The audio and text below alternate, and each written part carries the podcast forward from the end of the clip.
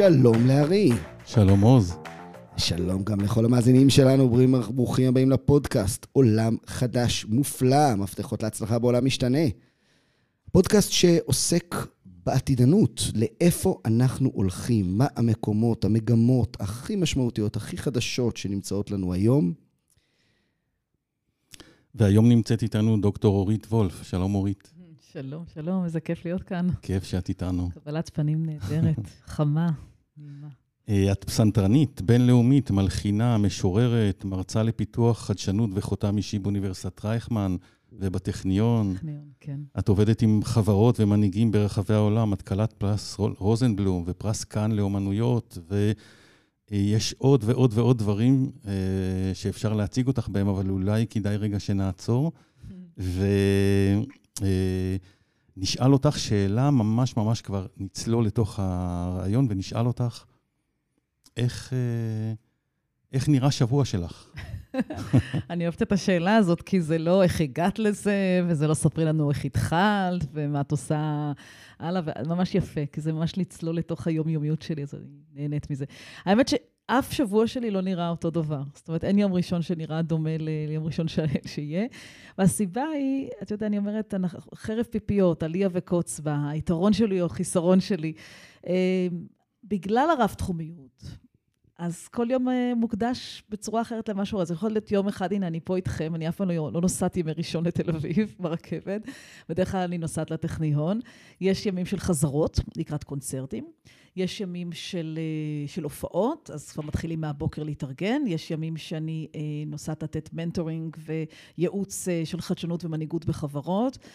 יש ימים שבאים אליי לסטודיו ומקבלים באמת ייעוץ קריירה, שזה ה baby שלי, של לתת לאנשים הכוונה של איך להביא את הקריירה שלהם, את הפוטנציאל שלהם לידי מימוש, ולא רק אני רוצה, אלא אני באמת עושה. ובצורה מאוד חדה ונוקבת, אני מאמינה שאני מביאה אנשים אה, להגשמת השליחות שלהם בחיים, נקרא לזה כך. כי רוב האנשים עושים דברים טובים, אבל הם לא יודעים אפילו מה השליחות שלהם. אז גם זה, ו- ויש ימים שאני גם מפנה אה, להיות בצהריים בבית ולהכין צהריים ולהיות קצת אימא. זה גם חשוב. אז הנה, היום אני צריכה להספיק לחזור אה, עד הצהריים כדי לטגן שניצלים.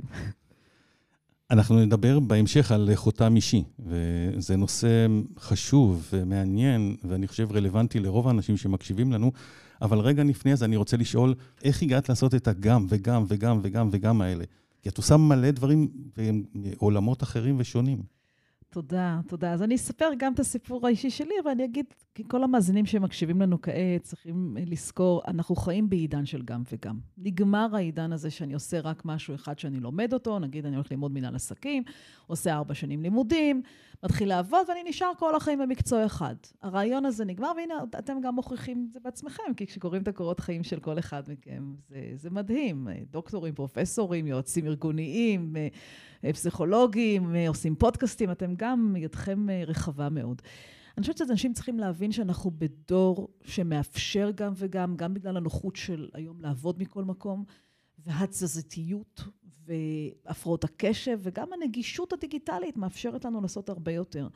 למרות שהתפקידים שלי בעולם הם לא דיגיטליים. אני דווקא מהאנלוגים. אני מאלה שעולים על במות ומופיעים, ואני מאלה שזקוקים אה, לקחת מטוס ולעלות ולהרצות אה, מול אלפי אנשים. אני זקוקה לחוויית קהל האמיתית, הפיזיולוגית, שאני לא מוותרת עליה, וגם על זה נדבר. אבל אז קודם כל להבין שזה לגיטימי היום להיות גם וגם, לא להרגיש עם זה רע. כי הרבה פעמים אומרים לי, רגע, את, את, את גם אה, מרצה בטכניון, ואת גם עוסקת עם מדענים, וגם אה, פסנתרנית, וגם משוררת, ואיך את עושה את הכל? אז כנראה שאני לא עושה הכל הכי טוב, זה גם יכול להיות, אבל אני מעדיפה את החוויה של העצמה והרחבה מאשר הצמצום. עכשיו, אני הגעתי לדבר הזה מתוך מצוקה, זה נורא מעניין, כי כשאני הייתי עולה על במות ומופיעה וממש נוסעת מארץ לארץ ומתחרות לתחרות, הרגשתי שמשהו חסר לי. הרגשתי שלימדו אותי לעלות על במה ולשתוק, ולא להסתכל לקהל בעיניים ולא לדבר איתו. ומה קורה כשיש blackout? אז מה, אז אה, איכשהו ממשיכים ו- ובוכים אחר כך מחוץ לבמה ואומרים, אוקיי, הייתי צריכה לתאמן עוד איזה ארבע שעות ביום כדי שזה לא יקרה? לא רוצה. אה, אני רוצה לדבר, אני רוצה אה, להביא את המוזיקה הקלאסית לקהל בדרך אחרת, אני רוצה ללמד אנשים להגיע לחדשנות וליצירתיות שלהם. ואחרי כל הלימודים והמסעות שלי, ותואר ראשון ותואר שני ותואר רומן, עוד לפני הדוקטורט, הבנתי שאני מאוד רוצה להתעסק ביצירתיות ובחדשנות, כי בעצם גיליתי שמוזיקה זה פורם של יצירתיות. אלתור זה, זה, זה פלטפורמה של יצירתיות. לעמוד מול קהל זה, זה פורמט של יצירתיות. לטעות ולהמשיך הלאה, אתה צריך כלים של יצירתיות, איך להתמודד עם זה.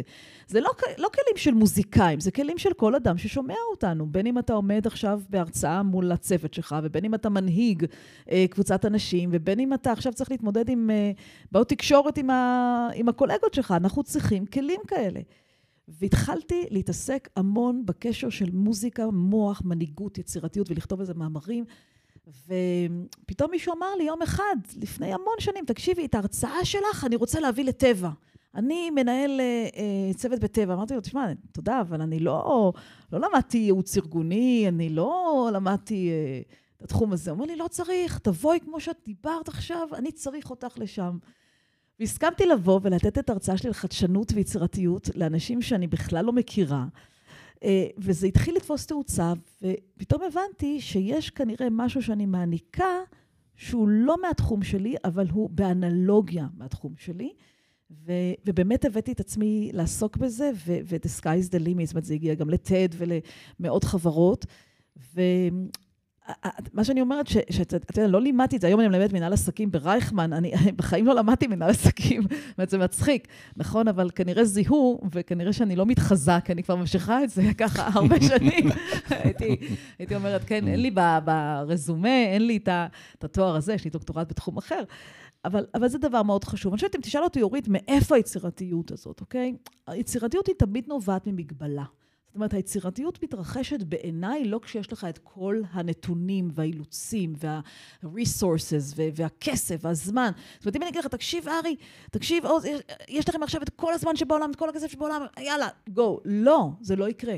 רוב הדברים המהותיים, העוצמתיים, היצירתיים, החדשנים, קורים כשאנחנו בתוך מגבלה ואילוץ. ואז קרה לי מקרה נורא מעניין.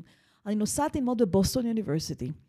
אה, מקום מדהים שקיבלתי בו מלגות מלאות של מחיה, של לימודים, הכל נראה נורא זוהר. 200 אלף דולר, מלגות, רק להיות שם. ואני מתחילה ללמוד אצל גדולי המורים שם, ואני רק בת 17 וחצי, והכל נשמע חלום. חלום. ואז קורה משהו נורא רע. Uh, הספונסר שמצאו לי מהקהילה היהודית uh, מפסיק לממן אותי. אשתו לא בא לה שאני בכלל אהיה שם יותר. סיפור אמיתי. ואני ילדה צעירה, אני עוד ממש לא מבינה כלום מהחיים שלי. אני צריכה כסף למחיה, אני הולכת לקמפוס ואני אומרת, אני רוצה לעבוד, תנו לי אפשרות של עבודה. אומרים לי, בשמחה, יש עבודה בגלידריה, יש עבודה בספרייה. Uh, it's five dollars an hour. לא אשכח את זה, השנה הייתה 92.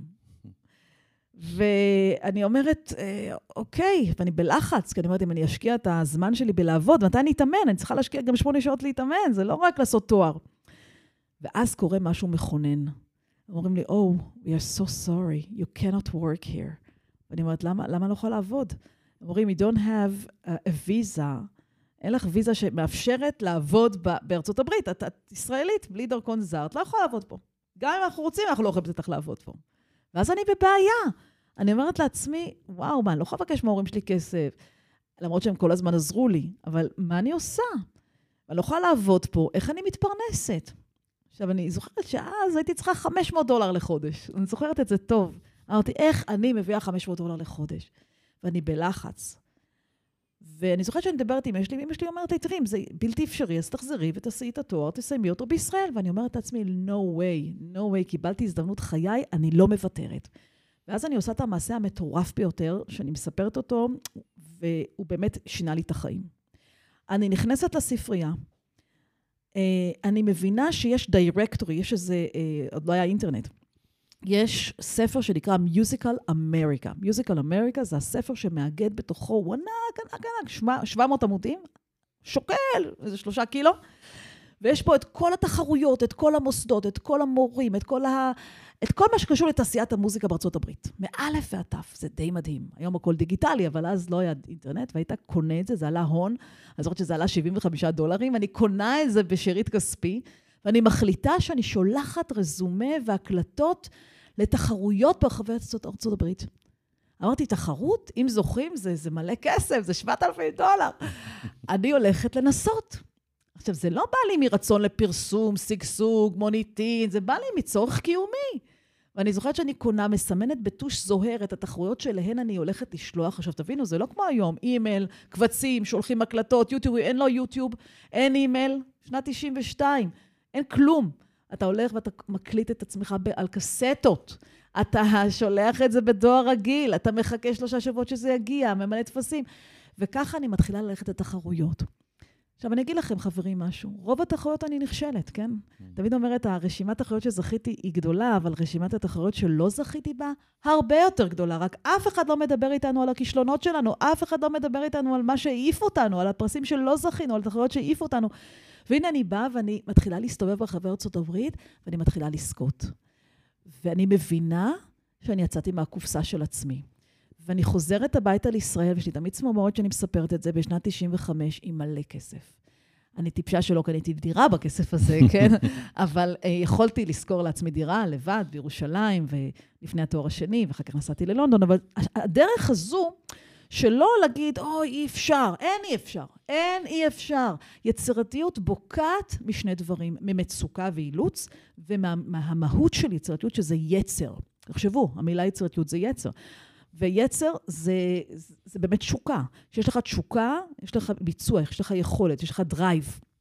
אני מלמדת אנשים למצוא את החיבור ליצר שלהם. בשבילי יצירתיות, הגדרה של יצירתיות, זה החיבור שלך ליצריות ויצרנות. אז זה ממש אה, מוביל אותי, מה שאמרת עכשיו, לשאלה הבאה, שהיא בעצם, אנחנו מדברים בפגישה שלנו עכשיו על חותם אישי, ואת דיברת על אה, יצר, ואני מניח שבתוך, מאחורי זה יש גם מימד של מימוש עצמי וכל מיני דברים כאלה, ואני אשמח אם תספרי קצת, קודם כל, מה זה חותם אישי, ולמה זה חשוב. כן, תראה, אני אומרת, נאה דורש, נאה מקיים. אתה לא יכול להרצות על חותם אישי מבלי שאתה בעצמך תשאיר חותם אישי. עכשיו, האם אני משאירה חותם אישי? אני, בעיני עצמי, אני כל יום קמה בבוקר ואני אומרת, לא מספיק, לא מספיק. אה, חותם אישי קודם כל נובע מהצורך שלך לא לתת רק לעצמך, לתת לעולם. מפה זה נובע, וכל מי שמאזין לנו עכשיו, ובשביל זה עשיתי כאן את כל הדרך לכאן, כי אני ממש מרגישה שליחות.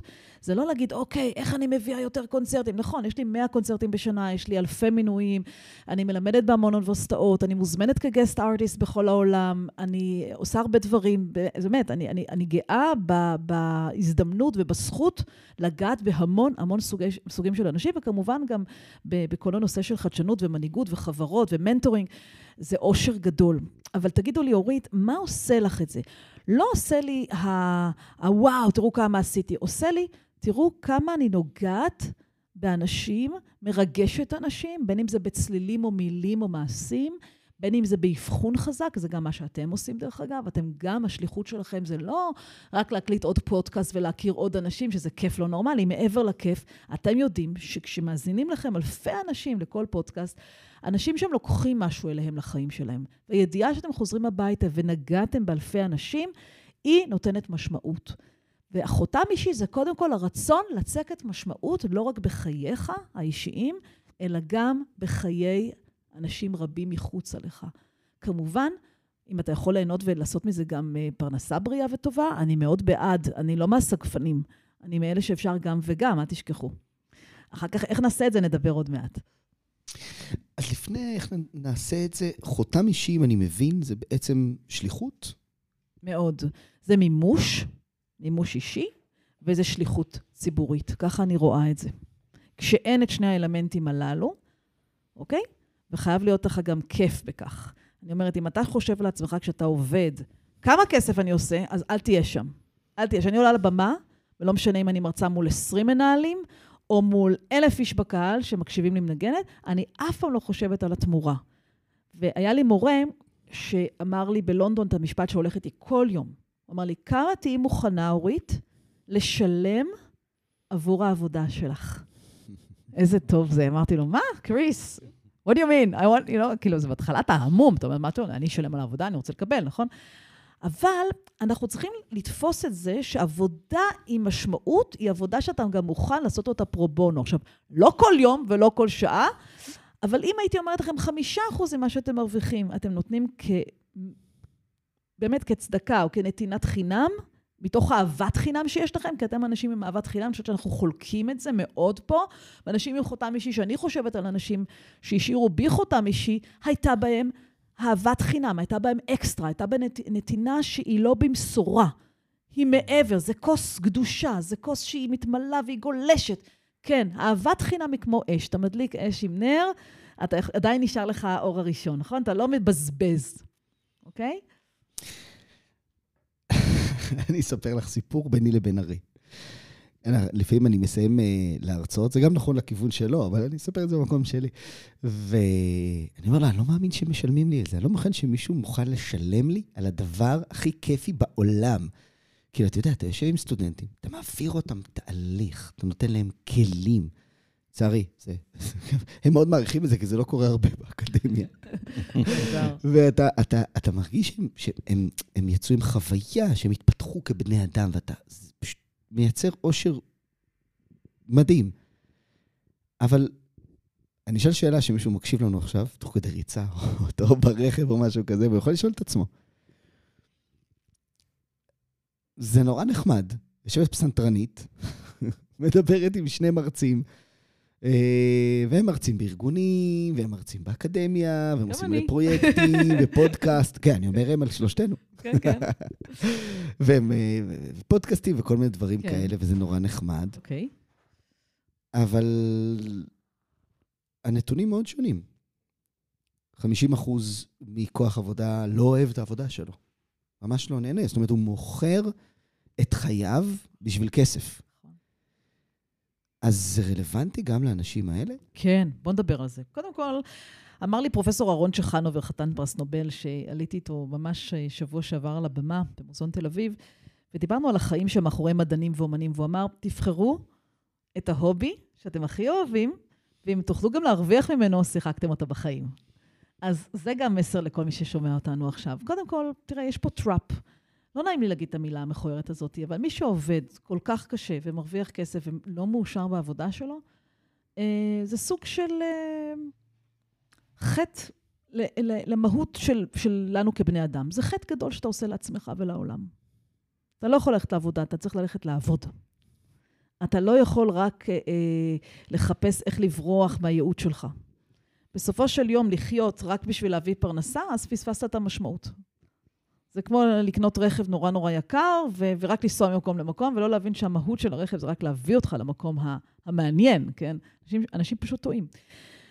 אז אה, אני חושבת שאנחנו צריכים להיות עם אמיצים מאוד כדי לדייק האם טוב לי או לא טוב לי, והשאלה טוב לי או לא טוב לי, האם אני באמת עושה את מה שאני טוב בו ומשפיע בו. לפעמים אני כן עושה את הדבר שאני טוב בו ומשפיע בו, אבל אני עובד רק בסביבת עבודה לא נעימה, אז תזהו. האם זה המקצוע שאני לא אוהב? או האם זה סביבת העבודה הספציפית שאליה נקלטתי, שאותה אני יכול גם לשנות. לדוגמה, נכנסת לעבוד ב... ב בוא נגיד, ב, נגיד אתה עובד, את אחות בבית חולים, את לא אוהבת את המחלקה שבה את נמצאת, אפשר להחליף מחלקה, את לא צריכה לעזוב את המקצוע שלך כאחות. את נכנסת כמורה, כמרצה, למקום ש, שלא טוב לך באותו בית ספר, ואת אוהבת את השליחות שלך כמרצה, אז שני בית ספר. אבל אם הבעיה היא בעצם המקצוע עצמו, וזה גם יכול לקרות. תראה, מורה בפינלנד מרגיש הרבה יותר טוב ממורה בישראל. הוא מלמד תשעה ילדים, הוא לא מלמד 42 ילדים. וואו, בפינלנד מלמדים תשעה ילדים? תשעה, שמונה עשרה, כן, זה רמה אחרת. אז לפעמים המקצוע הוא מהמם, אבל התנאים הלאומיים, בסוף אפילו הסביבתיים הלאומיים, לא מאפשרים את זה. אז צריך באמת להבין אולי פורמט אחר של, של הוראה. זאת אומרת, צריכים לדייק, ופה אני מאוד אוהבת לעזור לאנשים שבאים אליי, לדייק מה מפריע לך. המקצוע עצמו, הסטינג שלו, הפלטפורמה. עכשיו, יש אדם, למשל פסיכולוג, שמת על המקצוע שלו, שפשוט עובד יתר על המידה, ו- ואנשים אומרים לי, תשמעי, אני מתקתק, אני יעיל, יש לי פגישות 8, 9, 10, 11, הנה, דוגמה למשהו שאני תמיד אומרת, אתה רוצה לראות מה זה שחיקה? שאתה לא משאיר לעצמך רווחים בין העשייה שלך. אל תגיד לי, עד 12 כבר טיפלתי בארבעה מטופלים, תראי איזה הספק, תראי איזה חרוץ, ועוד קמתי בחמש, ואני יודעת שארי קם הרבה לפני חמש היום, אני יודעת את זה, אה, כי אנחנו דומים בקטע הזה. כשהוא אמר לי שהוא עולה על הרכבת ברבע לשש, הסתכלתי על השעון, השעה הייתה רבע לשש, וחייכתי לעצמי, כי אני גם אוהבת לקום מוקדם ולעשות, אבל בשבילי, אנשים שמתרברבים ומתייהרים בעודף הספק, אני מתחילה לפחד מהם. א', כי אני הייתי כזאת פעם, וב', כי הם לא משאירים לעצמם רווחים אה, בין התווים, אני קוראת להם. אתה יודע, מוסיקה היא לא התווים, היא לא הצלילים. היא הרווחים שאנחנו לוקחים בין הצלילים. ואם נשכיל להשאיר לעצמנו את הרווחים האלה, אז גם נבדוק עם עצמנו. תהיה חשיבה ביקורתית פנימית, שהיא לאו דווקא נו, נו, נו, לא הייתי בסדר, אלא נהניתי מזה, בא לי לכתוב את זה, בא לי אה, לחזור על זה, בא לי להימנע מזה. יש דברים שאתה עושה ואתה אומר, בא לי להימנע מזה. אבל הבירור הזה, הבירור הקטן, הוא גורם לך להיות מאוד מדויק. אוקיי? זה קודם כל מתחיל מבירור. אוקיי, אפשר לדבר על מה עוד התכונות שאני מחפשת, ואיך אני, אה, יש תכונה שאני לא יכולה להפסיק לחשוב עליה, וחותם אישי, מעבר לבירור, מעבר לתשוקה, מעבר להבנה איך אני משפיעה עליי ועל אחרים.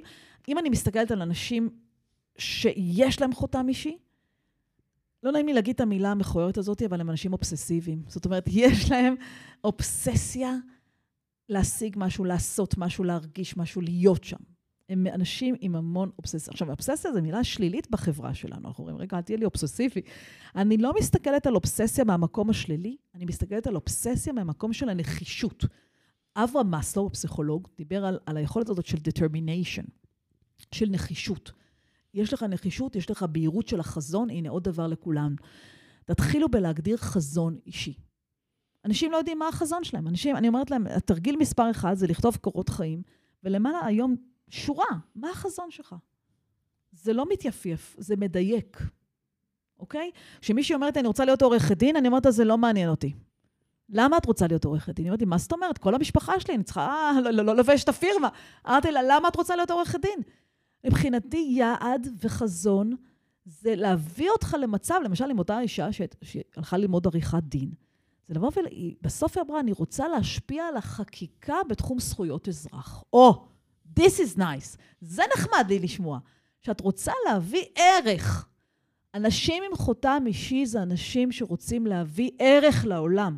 אז היא תשפיע על חקיקה לזכויות הפרט, אה, וזה ירגש אנשים דרך הצלילים, וזה יפתח תיאוריה פסיכולוגית שהיא תתפרסם בעולם ותביא שיטת טיפול חדשה, ואתה תביא פודקאסט ש, שבאמת אה, אה, יביא ז'אנר אחר וטיימינג אחר, ועשייה שהיא מלבבת את הנפש ואת הלב ואת הראש. איזה כיף. את יודעת, יש משפט שאומר, הגשמת חלומות היא מינות נרכשת. ואני מסתכל מה שאת אומרת על אה, זה שאנשים אין חזון, הנתונים לגבי זה די עצובים. את יודעת, שואלים תיכוניסטים בכיתה י"ב, מה אתם רוצים להיות כשתהיו גדולים? את יכולה לנחש מה תהיה התגובה הכי נפוצה שלהם? הכי נפוץ שהם עונים. אמ, הם בטח לא אומרים מאושרים. זה שמור לג'ון לנון, התשובה הזאת. מה, הייטק? התשובה הכי נפוצה? נו. לא יודע. לא יודע, וואי, זה עצוב. התשובה השנייה הכי נפוצה, עשיר. התשובה השלישית הכי נפוצה, מפורסם. וואו. מה משותף לשלוש התשובות האלה? לא לימדו אותם לחלום. בדיוק. זאת אומרת, הם לא קיבלו איזה שהם כלים, דיברת על חזון של לאיפה אני בכלל הולך. מעולה. בוא נגיד משהו עצוב. ואז אני אגיד משהו שמח. תראה, הבית ספר איבד את, אה, את כיוונו. הבית ספר איבד כיוונו, לא נעים להגיד את זה. לא כל בתי הספר, יש היום, היום המון אלטרנטיבות מדהימות, אבל העולם הזה של שינון חומר, information כ-knowledge, כן, העניין הזה של אינפורמציה, נגמר. מי צריך בכלל לשנן אינפורמציה? מי צריך לזכור עכשיו את ה... את הפסוקים האלה ואת ה, אה, מה היה בשנת 1888 בהיסטוריה העולמית. זה נחמד to know it, אבל אתם לא צריכים לזכור את זה. העולם השתנה. אנחנו בלחיצת כפתור יודעים תוך רגע, גם אם אני בהיריון עבודה, אני אלך לשירותים, אני אחפש את החומר, אני אחזור עם התשובה. זאת אומרת, אה, אה, אנחנו לא צריכים לחנך אנשים לזיכרון, אנחנו צריכים לחנך אנשים לחשיבה ביקורתית. ואני אגיד יותר מזה, אני כבר שואלת את הילדים שלי מגיל עשר, מה היית רוצה לעשות, שת... מה היית רוצה לעשות שתהיה גדול, ולא בעצם מה היית רוצה לעשות, אלא מה אתה רוצה להיות. שימו לב לאופי השאלה. לא מה אתה רוצה לעשות, אלא מה אתה רוצה להיות. חברים, זאת שאלה אחרת. כי אולי אני רוצה להיות אדם שנוגע בלבותיהם של, בליבותיהם של אנשים, אני עושה את זה במגוון אופציות, אוקיי? במגוון עיסוקים. להיות, חברים. עכשיו, לא להגיד, זה עוד מוקדם לשאול את השאלה הזאת, הוא קטן. לא נעים לי להגיד, גם באוניברסיטאות הרבות בעולם אומרים לך, קודם תגמור תואר ראשון, אחר כך נדבר איתך על מה תעשה. יש לך עוד מלא ללמוד. ואני אומרת לסטודנטים שלי כל פעם מחדש, חברים, בשיעור הראשון אני רוצה לדעת מה אתם רוצים להיות. למה? ופה אני אגיד משהו ששינה לי את החיים. כשאני נכנסתי ללמוד ב-Royal Academy of Music בלונדון, שזה התואר השני אחרי בוסטון, אני לא אשכח את היום הזה, וזה מסר לכולנו. זה ממש, יש לי צמרמורת. לא סתם הבית ספר הזה נחשב לאחד משלושת המוסדות החשובים והמוצלחים והיוקרתיים ביותר בעולם המוזיקה בעולם, אחרי, יחד עם ג'וליארד, יחד עם ה Hochschule בברלין, וה Royal Academy of Music, יש גם את ה Royal College, אלה המוסדות הכי חשובים בעולם. ולמה? המנט, המנטוריות שלהם, תקשיבו טוב למשפט הזה, כל מי ששומע אותנו.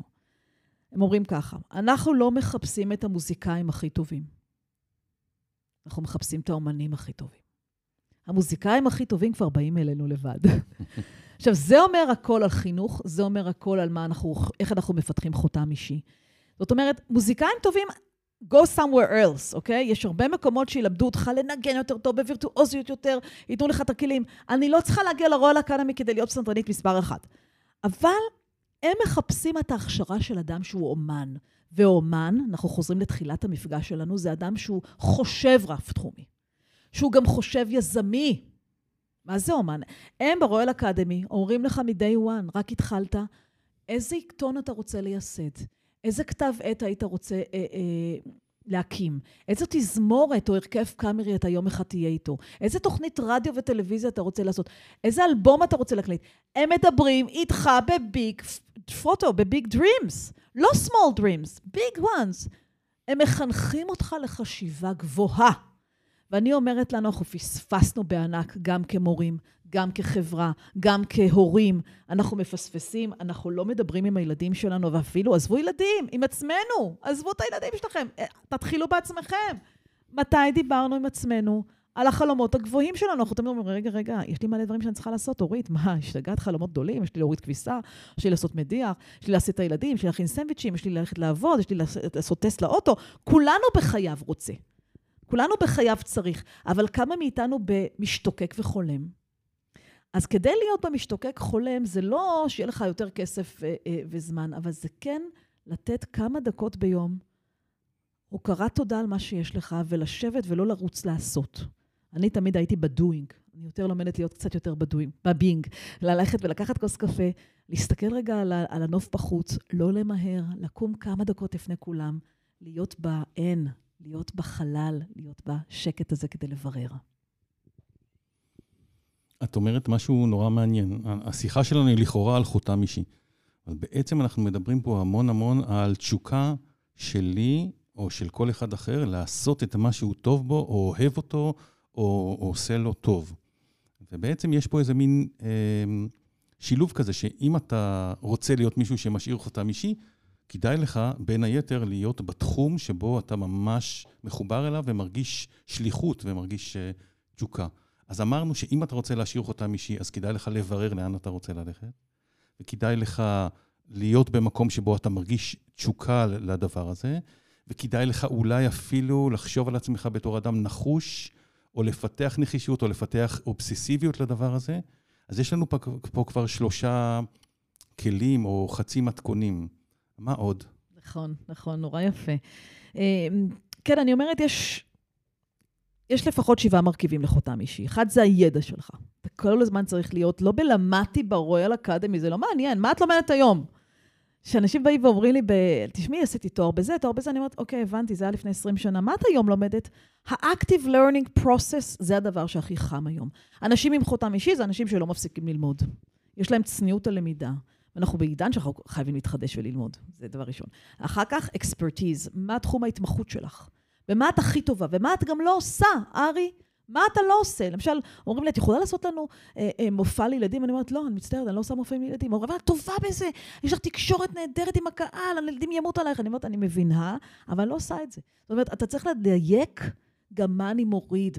כשאני אה, פתחתי את שנת 2024, אה, ועשינו פעם את זה באמת בתוך אה, בית של חברים טובים, אז כל אחד מהחברים אמר שלושה דברים שהוא מאחל לעצמו ל-24, ודבר אחד שהוא, זה נורא יפה, דבר אחד, שהוא לא הולך לעשות ב-24, שהוא לא יספיק לעשות ב-24, שהוא מוותר מראש. הוא אומר, את התחום הזה, אחד אמר, אני צריך לעשות שיפוץ מטורף בבית, אבל זה לא יהיה ב-2024.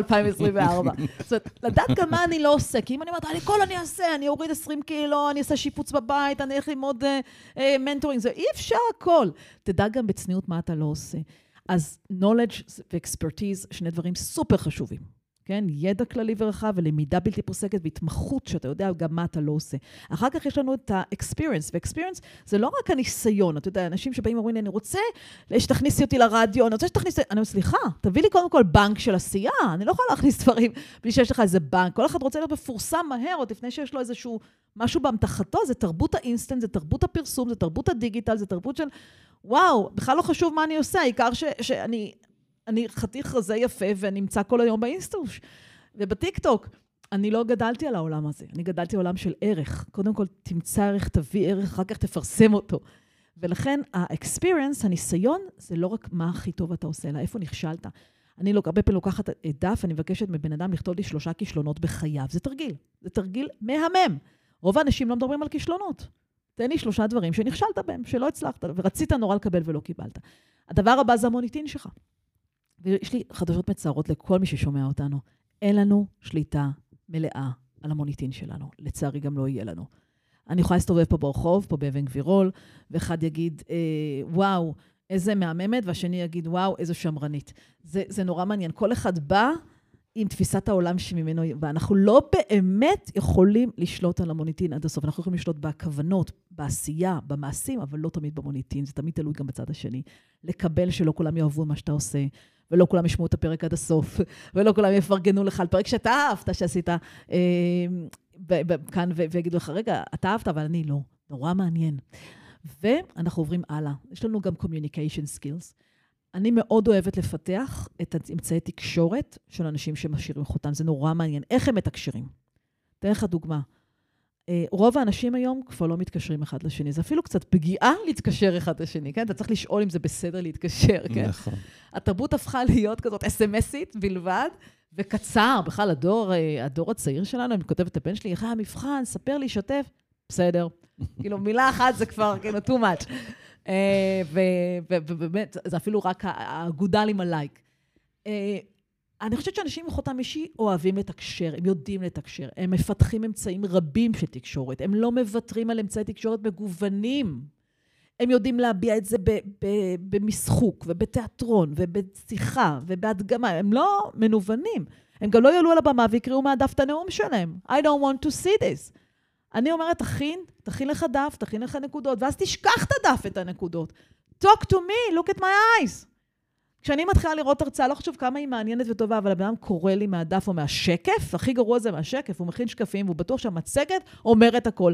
אני, יש לי תרגיל כזה לסטודנטים. הם באים, אני אומרת להם להכין מצגת, ואז אני אומרת, אוי, סליחה, היום אין מחשבים. אומרים לי, מה? איך אני אעשה את המצגת בלי המחשב? בלי הפאורפוינט? ואני אומרת, איזה כיף. בוא תראה לי שאתה יודע להעביר לי מסר בלי הפאורפוינט שהכנת. ואנשים נעלמים, הם, אין להם ידיים ורגליים, לא מרגישים שהם יכולים להעביר את המסר. זה תרגיל נורא יפה של אילוץ, של יצירתיות. תשאיר אותם גם בלי שום אביזר. היה לי מקרה יותר מזעזע, אני באה, והייתי צריכה לתת הרצאה עם פסנתר כנף, כי רוב, רוב ההרצאות שלי, של להשאיר את החותם האישי, אני גם אה, מביאים לי פסנתר כדי שאני אדגים את זה, דרך המוסיקה, וידבר על מנהיגות דרך המוסיקה לחברות. ויום אחד אני באה, ואומרים לי, תשמעי, היה איזה בעיה, המשאית נתקעה, אין פסנתר. עכשיו, לכאורה הייתי צריכה להגיד, מה, איך אתם רוצים שאני אעביר את זה? הכנתי, אמרתי, הכל בסדר. הכל עשר. יש מחשב, הם מצטערים, יש פה, יש פה בעיה, היום כל המערכות הדיגיטליות הלכו, אני לא אשכח את זה, ואני אומרת, הכל בסדר. לא מחשב, לא פסנתר, בואו נשוחח, בואו נדבר. ותנו לי רק את המיקרופון, זה כל מה שאני צריכה, וזה היה. וזה כיף. once אתה יכול להעביר את המסר שלך גם בלי שום אביזר, זה חותם בעיניי. זה חותם בעיניי, ואני באמת בוחנת את עצמי בכך. והדבר הנוסף האחרון, זה באמת vision and passion. שיהיה לכם תשוקה ושיהיה לכם חזון. כשיש את כל המרכיבים האלה, אנחנו בדרך הנכונה, והכי חשוב להבין שזה גם practice. הנה חברה מאוד טובה שלי, אה, התקשרת אליי בוקר, יום שלישי בבוקר, אני אצטרך לקפה, אני נוסעת עד, עד הצפון, אני אומרת לה, לא, את לא באה, יש לי באותו יום הופעה. היא אומרת לה, איפה ניגנת את זה 20 אלף פעם, את לא יודעת את החומר? ואז אני אומרת לה את המשפט שאני גם אומרת לכולם. זה שניגנתי את זה 20 אלף פעם, זה לא אומר שבפעם ה-21 אלף זה יצא טוב. אני עדיין צריכה להתאמן. לפני הופעה. וזה ה-humbleness. אין לי מילה טובה ב- ב- בעברית, כי זה לא צניעות. זה, איך אומרים humbleness בעברית? זה באמת להבין שכל הופעה זה התחלה חדשה. כל פודקאסט, ביום שלא תתכונן אליו, לא תקרא עליו, הלך עליך. אולי, אולי הצופים והמאזינים לא ירגישו, אבל אתה כבר תרגיש. ומשהו בערך העצמי שלך מולך יתחיל להרגיש ולחלחל. אני רוצה לבוא לבמה שאני תמיד מתאמנת, גם אם ניגנתי את זה אתמול בלילה, אוקיי? זה גם הפרקטיס. אל תבואו לבמה ותגידו, אה, עשיתי את זה מיליון פעם. לא. תלמדו את הקהל שלכם, תלמדו את הסיטואציה, תשאלו איפה אתם בסדר הכנס, אחרי מי אתם ולפני מי אתם, ומי האנשים שנמצאים שם, וכמה זמן יש לך לדבר. קריטי. עינב. אמבלנס, עינב, אה, כן. באמת? זה ענווה, ענווה, זה... כן. וזה לא לא לדבר על עצמך, להפך, דברו על עצמכם. דברו על עצמכם. זה לא סותר את החוויה של לדעת מי אתה. אגב, למה לא פסנתר חשמלי? אוי ואבוי. שפסנתר כנף זה לא. יפהפה. לעולם לא נוגעת בזה, זה ממש בשבילי לאכול חזיר עם חלב. זה לא עובד, לא עובד. אין, אין דבר כזה אצלי. לא נוגעת, לא אגע, גם תיתן לי עכשיו 100 אלף שקל לקונצרט. לא, לא, לא מעוניינת. אה, אין לי את האפשרות של שליטה בכלי שיש בכלי אקוסטי. כל הניואנסים של המגע, של הגוונים, של הווירטואוזיות, נעלם. אין, ואין תחליף למיתרים הארוכים האלה של לא. הפסנתר כנף. אין שום תחליף. גם פסנתר עומד אני לא מנגנת. את, את, את מרצה לארגונים על יצירתיות. אני יושב תוך כדי שאת מדברת ואומר לעצמי, אוקיי, קודם כל זה נפלא, את מייצגת את, ה, את העולם החדש. את העולם החדש שבו פסנתרנות וייעוץ קריירה מתחברים מצוין. אה, את העולם החדש שבו האנשים הכי מעניינים והכי רלוונטיים זה אלה שעושים גם וגם. ואם אתה עושה רק בתחום אחד, אתה מהר מאוד הופך ללא רלוונטי. אבל אותי מעניין כשאת מגיעה לארגונים ורוצה לגרום להם להיות יצירתיים, והם לא פסנתרנים, והם לא אומנים, והם לא מגלפים בעץ וכל מיני כאלה. אה, אני אומר את זה בכוונה, כי זה מה שארי עושה. אז, אה, אז אה, איך בעצם את עוזרת להם להיות יוצר יצירתיים? מה, מה יוביל לזה? התפקיד שלי בארגונים זה לייצר מצב של primary innovation. אני אסביר מה זה primary innovation. primary זה בעצם החדשנות הראשונית. זאת אומרת, אני רוצה להביא אתכם להיות מובילים ברעיונות היצירתיים, ב, אה, הייתי אומרת, הייתי אומרת, ביתרון שלכם על פני המתחרים. מאוד מעניין אותי לראות איך אתם תופסים את המתחרים. לא אני אגיד לכם מי המתחרים שלכם, איך אתם תופסים את היתרונות והחסרונות שלכם מול המתחרים, ואיזה רעיונות הייתם מתים לעשות שאתם אומרים, אה, לזה אין כסף, לזה אין זמן. אז אני אתן דוגמה נורא נורא יפה, ש... אה, אנחנו נמצאים כאן באבן גבירול, וזה מזכיר לי פרויקט שעשיתי לשירותי בריאות כללית, פרויקט ניצוץ, שבעצם לקחנו מהנהלה, אה, אה, עשינו ממש מבחנים להיכנס לתוכנית הזאת, אנשים שהם מובילי החנית ב- בלהביא את הפתרונות הבאים, את התרופות הבאות, את השירותים באפליקציות הבאות. זה יכול להיות גם פרויקט עם ביטוח אה, ישיר, שהבאנו את הרעיון של צ'ק תוך עשרה ימים. כאילו, נגענו במקומות הכי כואבים. והגענו למסקנה שהלקוח הכי מפחד לא לקבל את הכסף שמגיע לו ביטוח, והם באו ונגעו בנקודה ונתנו פתרון. זה הדברים שאני אוהבת לעשות, לגעת במקומות הלא נעימים. ממה אנשים הכי מפחדים? בוא ניגע שם ובוא ניתן את הפתרון הראשוני, החדשני, שאתה תמיד אומר, אה, אי אפשר, יש פה רגולציה, צריך זמן, צריך בדיקות. לא, בוא נפצח את האיך כדי להביא את מה שאתם כן רוצים. אז זאת העבודה שלי. איך אני עושה את זה, אני לא אגלה כאן בכמה דקות, אבל אתם מבינים מה אני רוצה להשיג, וזה כבר מאוד מאוד חשוב. זה מדהים מה שאת אומרת, ואני חושב על התרגיל הזה שנתת קודם, שאת נכנסת לארגון ואת uh, מבקשת מאנשים לצייר פרסונה. אז זה מאוד מתחבר לי לשיטה, למתודולוגיה שעוז ואני משתמשים בה הרבה במחקרים האקדמיים שלנו, של... Uh, חקר מטאפורות, שאתה מבקש מאנשים אה, לתת מטאפורה, אתה בעצם מרחיק אותם מהמקום שבו הם רגילים להסתכל עליו, ומבקש שייתנו לך איזושהי דוגמה, או איזושהי, כמו שאת אומרת, פרסונה, למקום שהם נמצאים בו. וזה משהו מדהים, כי אתה רואה מתוך זה דברים מקסימים, ממש יוצאים מזה דברים מקסימים. אני אוהבת מה שאתה אומר לי, כי אחד הדברים שאני מאוד מעודדת אה, אה, אנשים, זה להמציא מטאפורות חדשות. Mm. וזה משהו שאם תרצו, אפשר לעשות יחד. אה, מאוד מעניין אותי הדיבור במטאפורות, אבל לא מטאפורות שגרתיות ונדושות, אלא תמציא לי ביטוי שטרם הומצא, אבל אני כן אבין את המשמעות שלו. זה מאוד מאוד מעניין. אה, במקום להגיד שטויות אה, במיץ עגבניות, אני רוצה שתגיד לי שטויות במיץ גזר. אה, או תתחיל להפוך את זה למשהו חדש. מרתק אותי, ואני מגלה שככה אתה מפתח יצירתיות. אתה מבקש מאנשים לדבר במטאפורות שהם ממציאים בעצמם. הם יהיו הראשוניים שיתבעו את מטבע הלשון החדש. זה גם משהו ששווה מחקר, ככה, לבדוק עד כמה אתה יכול לצאת מהאנלוגיות כן. השגורות. נהדר. מטאפורות מחוץ לקופסה. כן, כן, זה, זה שווה לנו מחקר משותף. מדהים. תענוג. אני רוצה להגיד לך תודה, אורית. מה, זהו, נגמר? כן, נכון, מדהים, לא? לא. האמת, שבאתי עם אנרגיות טובות, וגם הוצאתם ממני דברים שהם, אה, שהם חזקים. לא תמיד זה ככה יוצא בצורה הזאת. זה אומר שאתם נותנים פה חלל של אפשור והקשבה. ו... זה מאוד יפה. נכון, אבל את גם ידעת ללוש את זה. לשת את זה אה, אפשרתם לי, ממש אני, יפה. אני אגיד שמוסיקה היא באמת הכלי הגדול ביותר להקשבה. כי הם מלמדים אותנו בבית ספר, so to speak, לדבר, לכתוב, לקרוא, אבל אף אחד לא מלמד, אות- מלמד אותנו להקשיב באמת. ואני חושבת ששווה פעם פרק שלם רק על אומנות ההקשבה. במקרה, הכינותי מראש את ה... אה, יש מישהו שפנינו אליו אה, שיעשה פרק על הקשבה, שהוא המומחה בארץ. זאת אומרת, הוא האדם לדבר על הקשבה, שהוא מפתח את הנושא זה? הזה. קוראים לו אה, פרופסור אה, נוימן, ארי נוימן. אה, הוא. אז ארי הוא, אה, ארי הוא באמת יודע להקשיב. ואפילו עשינו פרק ספציפית על הקשבה ועל כלים של הקשבה. אז, אז אני מתה לשמוע את זה, ולהקשיב לזה. זאת המילה. בדיוק. יותר נכון להקשיב להקשיב, לזה. בדיוק. כן. כמו, זה, זה, זה תכונה של ארי. הוא כמו, אה, את מכירה את הספר מומו וגנבי הזמן האפורים? לא, וואו, חובה. יאללה. תקשיבי, את תתקשרי ותגידי לי, עוז, תודה שהמלצת לי לספר הזה. ספר ילדים?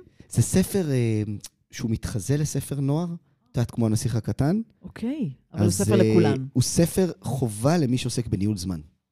אי. אפשר לדבר על ניהול זמן בלי לדבר על מומו וגנבי הזמן האפורים. אני הולכת ל- לרכוש אותו. אני בכלל אומרת, נגמר ניהול הזמן, אנחנו צריכים להתחיל לנהל את האנרגיה שלנו. אנחנו גם אי אפשר לנהל את הזמן, הזמן עובר אה, כמו שהוא עובר. אל תתחילו. תודה רבה לכם.